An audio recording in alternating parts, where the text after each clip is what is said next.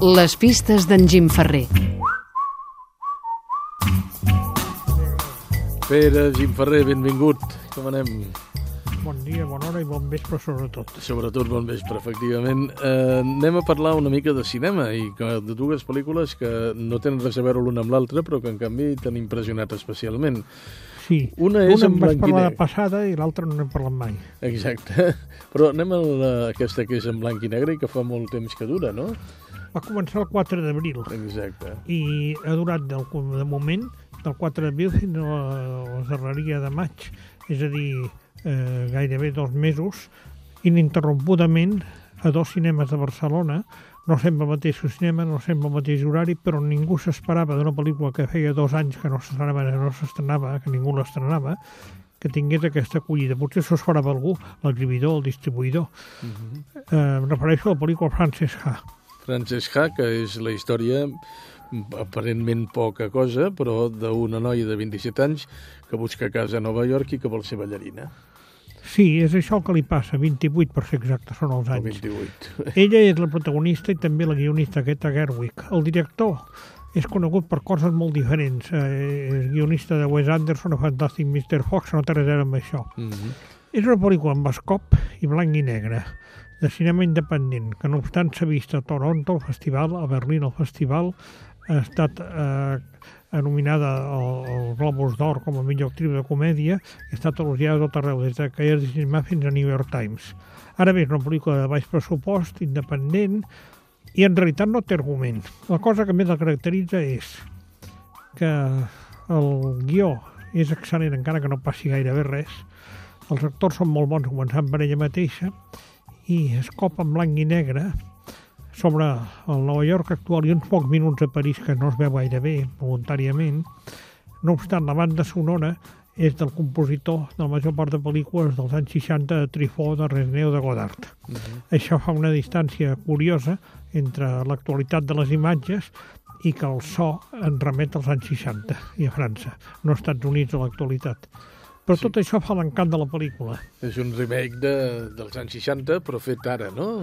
Bueno, és, eh, a veure, vi, visualment és impossible confondre amb els anys 60, perquè el que veiem és ara i, no, i a Nova York.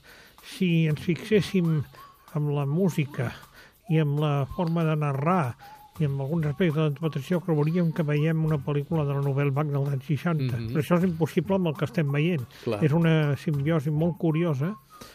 El model llunyà és Manhattan de Woody Allen, però crec que és una pel·lícula bastant superior. Mm -hmm. Doncs això és el que passa ara amb el Frances Ha, que és una història antiga, per dir-ho així, antiga, o ambientada antigament.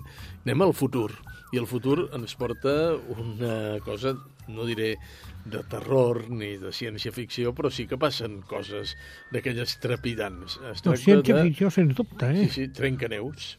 Sí, Trencaneus, Expli- rompenieres... Explica'ns eh, de què va fins que allà on puguis i que no... No, no es pot explicar perfectament.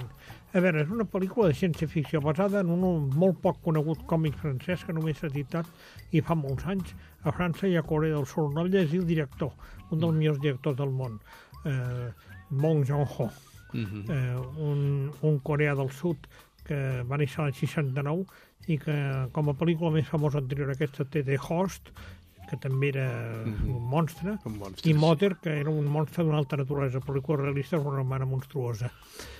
Eh, La pel·lícula tracta de la fi del món. El món s'acaba per congelació i només sobreviuen els que són en un tren d'alta velocitat. Aquest tren està dividit en categories socials i els de la cua s'insurreccionen contra els del cap. Naturalment, al cap hi ha un magnat del ferrocarril, una mena de Citizen Kane del ferrocarril.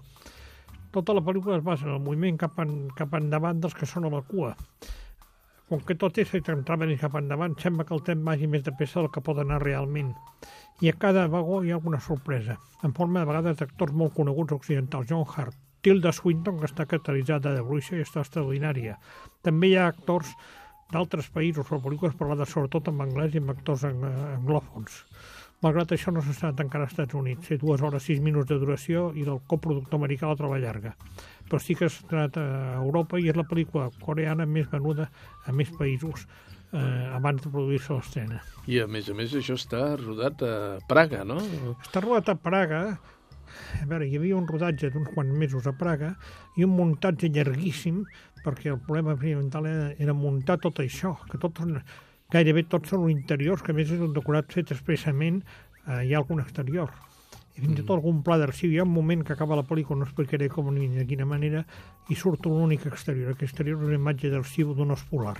No és una, una, una imatge agafada ara d'un os polar.